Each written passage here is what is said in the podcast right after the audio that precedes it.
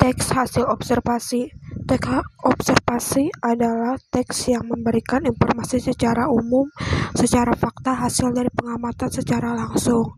Observasi adalah dengan si pengamat dengan terjun ke tempat yang diamati. Informasi itu bisa diliputi tumbuhan, hewan, sosial, peristiwa, kesenian, dan kebudayaan.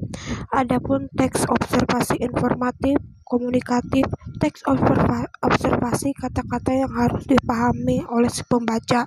Teks observasi tidak boleh dibuat-buat secara harus sesuai dengan pengamatan.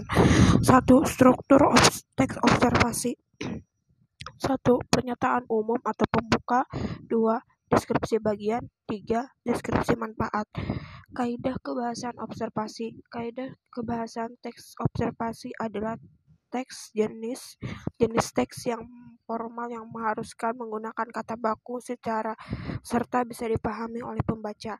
Adapun adapun beberapa kaidah kebahasaan di dalam observasi ialah satu menggunakan prasa nomina, penjenis dan pendeskripsi. Dua, menggunakan verbal rasional, contoh ialah yaitu merupakan dan lain-lain.